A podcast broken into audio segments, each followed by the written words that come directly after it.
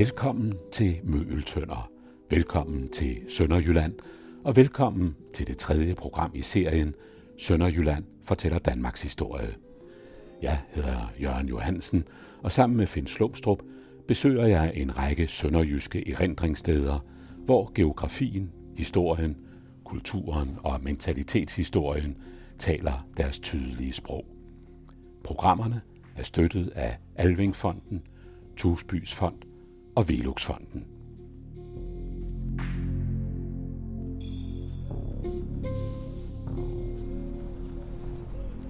Vi sidder her foran Schackenborg Slotskro, øh, en kongelig privilegeret kro årstallet 1687, skrevet meget tydeligt på skiltet her.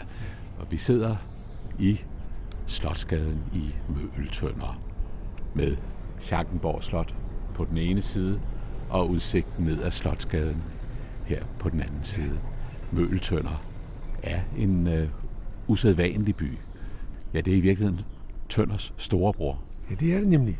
I dag tænker folk jo, jamen der ligger jo så Tønder, og det ved vi alle sammen. Nå, så er der forresten også Møgeltønder med Schackenborg, men det er jo bare sådan en lille landsby. Men i virkeligheden betyder Møgeltønder store tønder. Det, det, det er her, det starter. Og det hænger som så mange ting i Danmarks historie, hænger det sammen med kirken. Biskoppen i Ribe, han har en borg, øh, som faktisk hedder Møgeltønder Hus. Øh, og den ved vi af skriftlige kilder, at den har han i hvert fald i 1258. Øh, så det går langt tilbage.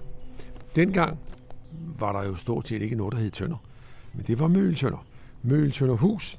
Øh, I dag er det jo en lille idyllisk øh, by med knap og nap øh, 900 indbyggere. Og den sælger sig jo så i turistmæssig henseende først og fremmest på det, vi kan høre her. Den bil, der kom kørende lige der, lyden viser jo meget tydeligt, at den kører i den grad hen over toppet af brosten. Øh, turistbrosyren fastslår igen og igen og igen, at det vi sidder i, det er Danmarks smukkeste landsbygade, kalder man det. Og den er også smuk med rækken af lindetræer Netop. ned langs. Ja. Øh, det, er jo, det er jo fine vestjyske huse, der er bygget, ikke sandt? Der, der er der er ikke noget fladt parcelhusbyggeri over det her. Det, det, det er fine huse med tegltag og god dansk byggeskik, øh, også før det begreb blev opfundet. Øh, og så øh, lindetræerne, øh, og den er jo lang, så det, den, den er absolut særpræget. Her har vi sådan en kongelig privilegeret slotskro, ikke sandt? Og det hænger så sammen med, at efter reformationen, så falder biskoppen selvfølgelig i, i, øh, i betydning, Øh, og vi ved jo også, at, at kirkegodset på mange måder går over til regenten, og det er også det, der sker her. Og en 130 år efter reformationen, der skænker simpelthen som en gave, der skænker Frederik den 3. Øh, den gamle bispeborg Møgeltønderhus til greve Hans Schack. Og Hans Schack starter så den ombygning, der fører til Schackenborg, som vi kender det i dag. Og øh, det udvikler sig i 1676. Der får Hans Jacques godkendt grevskabet Schackenborg, som omfattede 300 gårde og 300 huse spredt over 29 kirkesogne. Så det var faktisk en ret stor affære. Og han havde samtidig øh, købt Gramslot. Det købte han i 1664. Så han blev den store mand i den her del af Danmark. Det er der slet ingen tvivl om. Og når du siger, ja, en række gårde, som hørte til, så er der jo stadigvæk i hvert fald en slags øh, vidnesbyrd om det her i Schackenborg, fordi ned langs gaden, der ligger der jo adskillige gårde stadigvæk. Ja. Og jeg tror også, at byen markedsfører sig som bondeby og ja. slotsby. Præcis. Man har faktisk fire begreber. Man har bondeby og slotsby, som du siger, og så har man kirkeby, og så har man stationsby. Selvom den er lille, så deler den sig altså ind i forskellige kvarterer. Det gør den fuldstændig rigtigt. Men det med stationsbyen, det er jo så en lille smule færdigt ja. i dag. Ja, det er det. det, er det. Øh, men slotsby, kirkeby og bondeby, det, det er de tre ting, man, man, man så har. Og slægten Schack sidder jo så øh, på Schackenborg i hundredvis af år, kan man roligt sige, indtil den sidste greve, Hans Schack så i virkeligheden øh, giver slottet tilbage til kongen. Ligesom man i sin tid har fået det af kongen i 1660, så skænker man det tilbage til, til øh, kongefamilien i 1978. Øh, og det aftales jo så, at, at øh, prins Joachim skal overtage det. Og Joachim flytter så herned i 1993. Og det er så den historie, som, som alle jo kender, og som man i den grad også selvfølgelig prøver på at lave turistbesøg på. At nu er der igen kongelige på, på Schackenborg, og det er der jo så frem til øh, 2014, hvor, hvor prins Joachim og prinsesse Marie flytter til Københavnskanten, og øh, en fond overtager så i virkeligheden Schackenborg, øh, som prins Joachim vist også har sagt, at han så vil bruge som en, en slags sommerhus. Det har han aftalt med fonden, så det kan være, at han kommer på sommerbesøg hernede, ligesom dronningen altid kommer på sommerbesøg i Gråsten Slot. Fordi der er meget en symbolik i, at øh, kongehuset har forbindelse med Sønderjylland. Øh, og det var jo også den historie, du hørte igen og igen og igen, øh, da meddelelsen kom om, at nu flyttede prins Joachim og prinsesse Marie til Klampenborg, at, at øh, nå, men det var jo så forbindelsen mellem kongehuset og Sønderjylland, der røg der. Men helt er den så alligevel ikke nej, nej. droppet. Nej, nej. Når man ser bilerne, der kører igennem, så er det på en eller anden måde jo også... Øh, ah, der er ikke så meget tung lastbiltrafik her. Nej. Øh, det er mere, ja, jeg gætter på en slags turisme, der, ja. der præger trafikken igennem byen. Ja. Og det er der jo ud over slottet så også forskellige grunde til. Altså længere nede ad gaden, der passerer man et skilt, hvor man øh, øh, reklamerer med sort safari, og det er jo så en af attraktionerne på de her kanter. Ja, det må man sige. Altså øh, begrebet øh, sort sol, og jeg skal da lige lov for, at, at det fik vi at se i går. Vi kom simpelthen ud i en enestående naturoplevelse. Vi gjorde det, som man bør gøre, hvis man er på de her kanter. Øh, når man så har været på Rømø, skal man ikke tage den store vej. Så skal man dreje til højre, lige så snart man kommer over dæmningen og er tilbage i Jylland, og så dreje sydpå. Altså ned ad digevejen, hvor man så også kommer til at køre på dige, og virkelig kommer til at opleve, at vi har faktisk også i Danmark virkelig marsklandskab. Altså tøndermasken, hvor du kommer til at køre op på diget, og forerne går der osv. Og så da vi kom ned til, til øh, Rudbøl, altså helt ned ved grænsen, fordi vi også lige skulle ned og se øh, denne mærkelige øh, grænseovergang, der ligger der, hvor grænsen jo går ned midt igennem gaden. Øh, Ja, det er jo en grænseovergang, der virkelig sætter alt snak om grænsekontrol. Det må man sige. Det må man sige. Der er en sten ude på vejen, ja. der er der to. Ja, det, og på ja. den ene side ligger Tyskland, og på den anden side ligger ja. Danmark. Ja. Og så bliver, det, så bliver det jo pludselig sort. Vi, vi kørte bogstaveligt talt ind i sort sol. Og en kæmpemæssig, øh, eller kæmpemæssige stære flokke var i gang. Der kunne man så også se, da vi sådan kom os over chokket, der jo stod på i flere minutter, fordi vi var midt i det. Normalt så sidder man jo nede på diget ved Rudbøl og kigger ud. Men her dumpede vi jo ned midt i det altså, fordi vi kom jo et kvarter før solnedgang. Og ganske rigtigt, altså 5-7 minutter senere, så trak fuglen jo fra os helt ud til kanten. Men vi fik den der utrolige oplevelse. Jeg har set sort sol i gang jo, men, men jeg har aldrig øh, opleve det så tæt på. Men det er blevet et, et øh, virkelig, der er sort safari, og der er flere andre, der altså virkelig har sat det i system. Og normalt er det jo busser i stakkevis. Det er det endnu ikke på helt samme måde om foråret. Øh, vi kunne, hvad var der i går? Nede ved Rudbøl. 25-30 øh, biler, ikke? Øh, men de, der var der, de blev heller ikke skuffet. Øh, og det er et enestående naturfænomen. Og hvorfor gør, hvorfor gør stærerne det der? Det finder vi jo aldrig ud af. Nej, det er virkelig altså, gådefuldt, altså, at ja. om man så må sige, ja. er så programmeret, ja. så man kan nærmest planlægge, at nu øh, om 5-10 minutter, ja. så, så kan man opleve det. Og, og dem vil vi også så tæt på. Da de så pludselig, så sætter de sig ned alle sammen, og så sidder de jo så tæt, så du tror pludselig, at, at, at, at jorden er asfalteret. Det er den ikke. Det er stærre. Og så på et eller andet signal. Det kan selvfølgelig være en rovfugl. Det var det nu ikke på noget tidspunkt i går. Men så, så letter de alle sammen, og så kommer de der ufattelige formationer, hvor de, hvor de grænseløst yndefuldt. Der er jo ikke noget ballet, der er så yndefuldt. Svæver og laver øh, forskellige formationer. Og så går solen ned, og så trækker det helt ud. Og det var også det, vi så i går. Men fantastisk var det. Og der er i det hele taget jo i omegnen af møgeltønder øh, ja, mange ting, som man i hvert tilfælde kan køre efter. Nogle af dem ja, får man måske så ikke de helt store og fysiske oplevelser ud af, men man ved, at her har ja. det og det ja. øh, fundet sted. Og for eksempel er de to guldhorn fundet nogle få kilometer her ja. på Mølsønder. Øh, der er jo ikke noget øh, at se i dag. Øh, vi ved bare, at det var der, de blev, de blev fundet. Øh, men når man kommer ud til Gallehus, som altså ligger to kilometer herfra, så står der jo et skilt om, at de blev fundet her. Men de blev jo fundet altså med næsten 100 års mellemrum. Øh, men begge to derude, ikke sandt?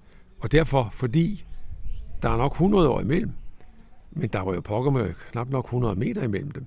Og derfor betragter man det jo også som et samlet fund. Det blev fundet, det første horn blev fundet i 1639 af Kirsten Svensdatter. Det andet blev fundet i 1734 af Erik Lassen, der gik og gravede ler. Nu omstående ville han jo have gået med en metaldetektor, men det her gik han altså og gravede ler, og så stødte han på noget simpelthen. Øh, og det var jo altså horn, der, der, der begge to vejer øh, mellem 3 og 4 kilo. Så det var jo nogle store nogen. Og det er også så indledningen til måske en af de mest omtalte og refererede historier i Danmarks historien. Denne historie om guldhorn. Ja, ja, der er jo også øh, tændte alt mulig romantisk fantasi hos vores digter og så videre. Men de kommer så selvfølgelig til København og er på det kongelige kunstkammer. Men i 1802, altså hvad bliver det? Det bliver 100 år, øh, nej, knap og 100 år senere, efter det andet guldhorn, ikke? Øh, der bliver det stjålet af en mand, der hedder Nils Heidenreich. Og han nåede altså at omsmelte begge horn, inden forbrydelsen blev opdaget og opklaret. Og det vi så har nu, det er jo så i virkeligheden de, vi ved godt, hvordan de så ud, fordi de blev jo fuldstændig nøje aftegnet øh, i 1641 og 1734. Og øh, Ja, der opbevares vel også kopier af den, ja, både det ene og det andet sted. Ja, man lavede kopier. Hvad alle disse mærkelige tegn med guder og mennesker og dyr osv., hvad de refererer til i den nordiske mytologi, det er den dag i dag øh, en gåde. Men man mener, at, at det er horn, der stammer fra omkring over 400 efter Kristi fødsel, øh, og som sandsynligvis er fremstillet i Sønderjylland, fordi vi har nogle øh, figurer på en urne over i Sønderbarup, der minder meget om dem. Så man mener, at, at det er nok et sønderjysk produkt, men hvad det betyder, ved man ikke, og hvad de har været brugt til. Har det været drikkehorn? Har det været musikinstrumenter? Har det været signalhorn? Det ved vi heller ikke. Så det er en af de store gåder, øh, men det der, det, der er at se i dag, det er jo altså en mindesten, øh, hvor der står med en fin inskription, at her fandtes det første guldhorn den 20. juli 1639 af Christine Svensdatter fra Østerby. Og så er der så tegnet et, et, et, et stiliseret øh, guldhorn ovenpå. Og det var, øh, hvad kan man lige være sige, det var altså naturligvis øh, den daværende grevs Jak, og de hedder altid enten Hans eller Otto. Øh, men på det tidspunkt i 1897, der hed han Otto. Otto Didrik Jak, det var ham, der sørgede for, at, at, øh, at stenene blev, blev rejst. Men en anden ting, Jørgen, som, som man jo også bør nævne, når man er på de her kanter, men der er vi så stadigvæk helt ude i det, i det, i det vest, vestlige hjørne, når man kører ned ad digevejen der, så kommer man jo til Ballum.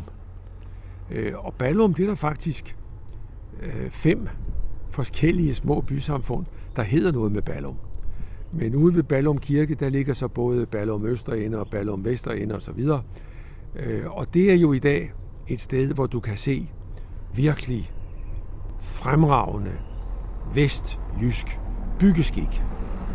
Øh, igen fordi øh, man kommer til at støde på den gang på gang, fordi AP Møllerfonden altså helt officielt A.P. Møller og hustru Shastin Makini Møllers fond til almindelige formål, de har jo givet så mange milliarder til den her egen, både nord og syd for grænsen. Øh, og de lægger altså fundamentet til, at de smukke vestjyske huse ude i Ballum, derude omkring kirken, er blevet restaureret, så det fremtræder i dag utrolig flot. I et af husene i Ballum bor jo øh, Jens Rosendal, forfatteren, og i dag vel ikke mindst kendt som salmedigteren, øh, men jo også sangdigter. Øh, han er jo faktisk i dag den nulevende skribent, der har flest sange med i Højskolesangbogen. Jens Rosendal bo ude i Ballum, og nu har han boet der så længe og er blevet så kendt, at nu bruger de ham også i turistbrosyren. Så hvis man tager en turistbrochure om Ballum og omegn, og sådan en findes selvfølgelig på flere sprog, der står der øh, et citat, der faktisk siger meget godt om området. Jens Rosendal skriver, Hvis man kommer i nærheden af Ballum-området, bliver man let optaget, for ikke at sige opslugt af det. Har ikke et enkelt glitrende turistmål, der rager op over det hele. Man behøver ikke at betale entré. Til gengæld skal man have mere tid, end man så tit har, hvis man rigtig vil indenfor. Der er heller ikke bestemte åbningstider. Men alligevel er der klokkeslæt, der betyder meget. Ligesom årstider, vejret og blæsten spiller godt med. Selve landskabet, det flade og ensformige, skal man vist vende sig til, før man synes, det er smukt. Men det bliver det. Der er en ro og et lys over det, som bliver en kært. Og man kan se så langt øjet rækker hele horisonten rundt. Det menneskeskabte, kulturen, er også et blik værd. Endnu kan der ses klynger af de gamle, utrolig smukke og velproportionerede Vesteregns huse. Og har man først set dem, kan man næsten ikke holde op med at undre sig over den sikkerhed og naturlighed, de er konstrueret på. Ballumområdet er værd at satse på. Der skal lidt tålmodighed til. Til gengæld bliver det en opdagelse, der går ind, og som man ikke så let glemmer igen. Den tekst kan jeg egentlig godt forstå, at Turistforeningen er glad for. Og når man så går ned af Slotsgade her i Møgeltønder, ja, så er der jo, så er der jo mange spor efter den byggeskik. Der er mange fine huse nede af gaden her, og der er mange, der jo bærer skikken videre. Der er altså huse med stråtag, der er huse med tegltag, og så er der de her karakteristiske døre med, med de runde buer ja, hen over ja, åbningen. Bestemt, bestemt. Og, og, og mange af dem jo også altså fint bemalet. Ja, det er de. Jo, men det er, det er en, øh, en fornøjelse, og, og beboerne passer jo godt på det, det må man sige. De er godt klar over, at de bor i en øh, perle. Og historien er jo til stede hele tiden. Hvis man, hvis man går ind, af, ind i, i Slotskronen og, og kigger sig lidt omkring, det er jo meget smukt indrettet også, der hænger der så et billede af en enkelt konge, fordi kongefamilien er altså stærk her i Sønderjylland. Og det er så den unge Christian den 10., der hænger et billede af. Og så siger man, hvorfor det? Jamen det er da fordi, det var den unge Christian den 10., der red over grænsen i 1920. Husk på, han blev først konge i 1912. Så det var han var som en, en relativt ung mand, da han red over grænsen. Og hvem byder ham så velkommen og holder tale til ham den 11. juli 1920? Jamen det gør selvfølgelig den daværende Grev Schack, Grev Otto Didrik Schack. Altså den samme, som lavede mindestenene for, for guldhornene.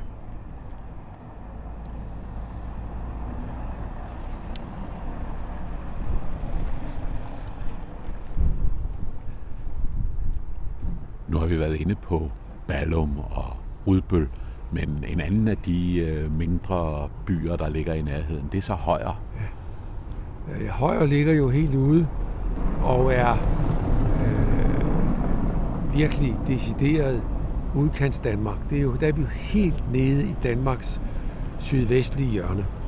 Øh, og Højer har haft en stor ungdomsskole, men, men, men oplever, at det er svært at holde dampen oppe. Der er det øh, specielle ved Højer. Der jo også haft industrivirksomhed og så videre, og, øh, og også er turistmål på grund af sluseværk og så videre ud mod, mod Vadehavet. Jeg kom til at tænke på, i morges, at, at øh, hele den egen, vi sidder og taler om, og som vi er i, øh, den har jo også fået sin egen sang. Øh, Sønderjyderne har jo flere sange, som de holder fast ved, og som virkelig betyder noget. Og i den her egen, der er det jo den sang, der hedder For en fremmed basker fattigt. Øh, det er en sang, der er skrevet til en festlighed på Tønder Seminarium i 1922 af Egeberg Jensen, som var lærer på seminariet. Øh, og øh, den kommer jo omkring, øh, og den er i Løgum Kloster, ikke sandt? Østpå knejser over sletten som en kæmpe klosterkirke. Øh, og så er han jo i den grad inde på det, vi oplevede, og som vi også har talt om. Nattens dybe stilhed brydes, når de vilde svaner skrige. Hvem kan glemme fugletrækket over Rudbøl sø og dige? Alt det, vi oplevede, og, og, og disse syv vers, hvor jo også der, hvor vi er nu her i dag, er med, ikke? Skønt, når solen går i hav og former enge gyldent røde, når langs gadens gamle huse møgeltønders linde bløde. Men der står ikke noget om højer. Og det har de været meget sure over ude i højer.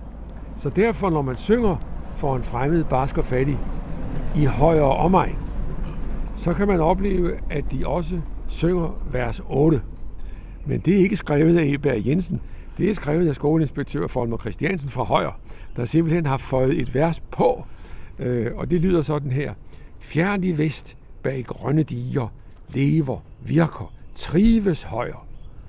Dansk og tysk i enig stræben, fælles skæbne sammenføjer.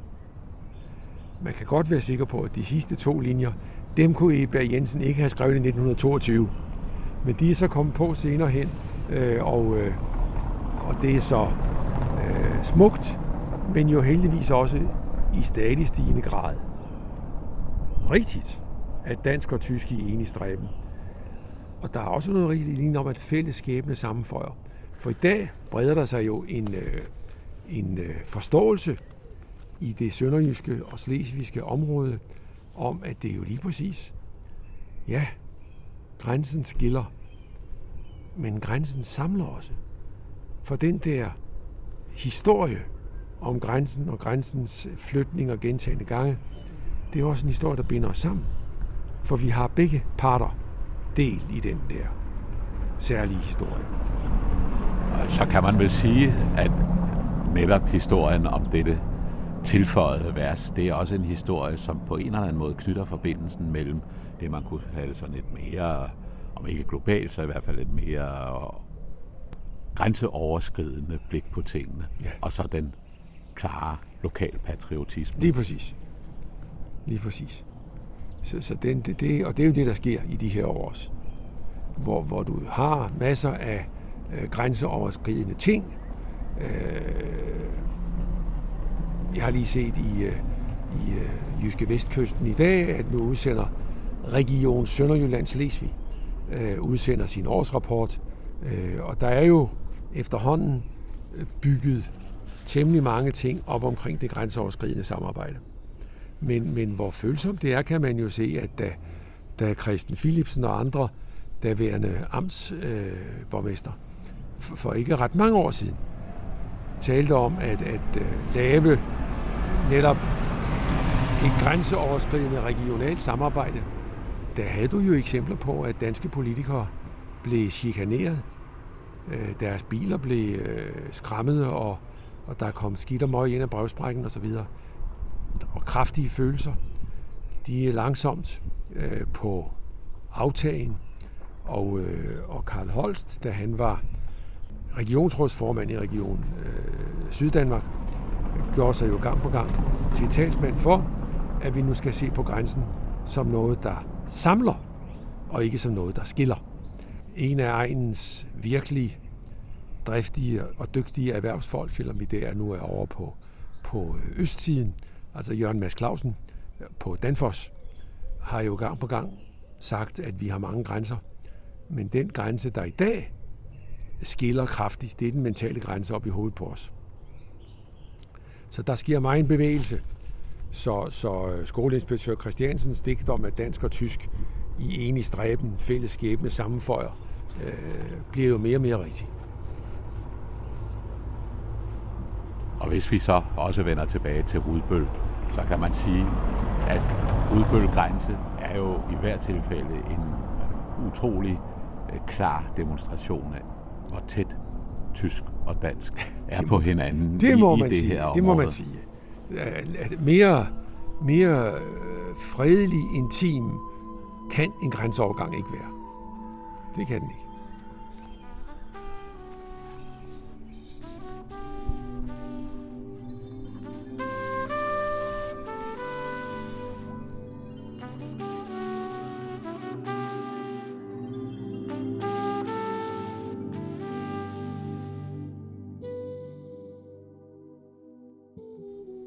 Her til tonerne af Palle Mikkelborgs Bella, My Bella, forlader Finn Slumstrup og jeg, Jørgen Johansen, Møgeltønder. Det tredje mål i serien Sønderjylland fortæller Danmarks historie. I det næste program besøger vi Tønder.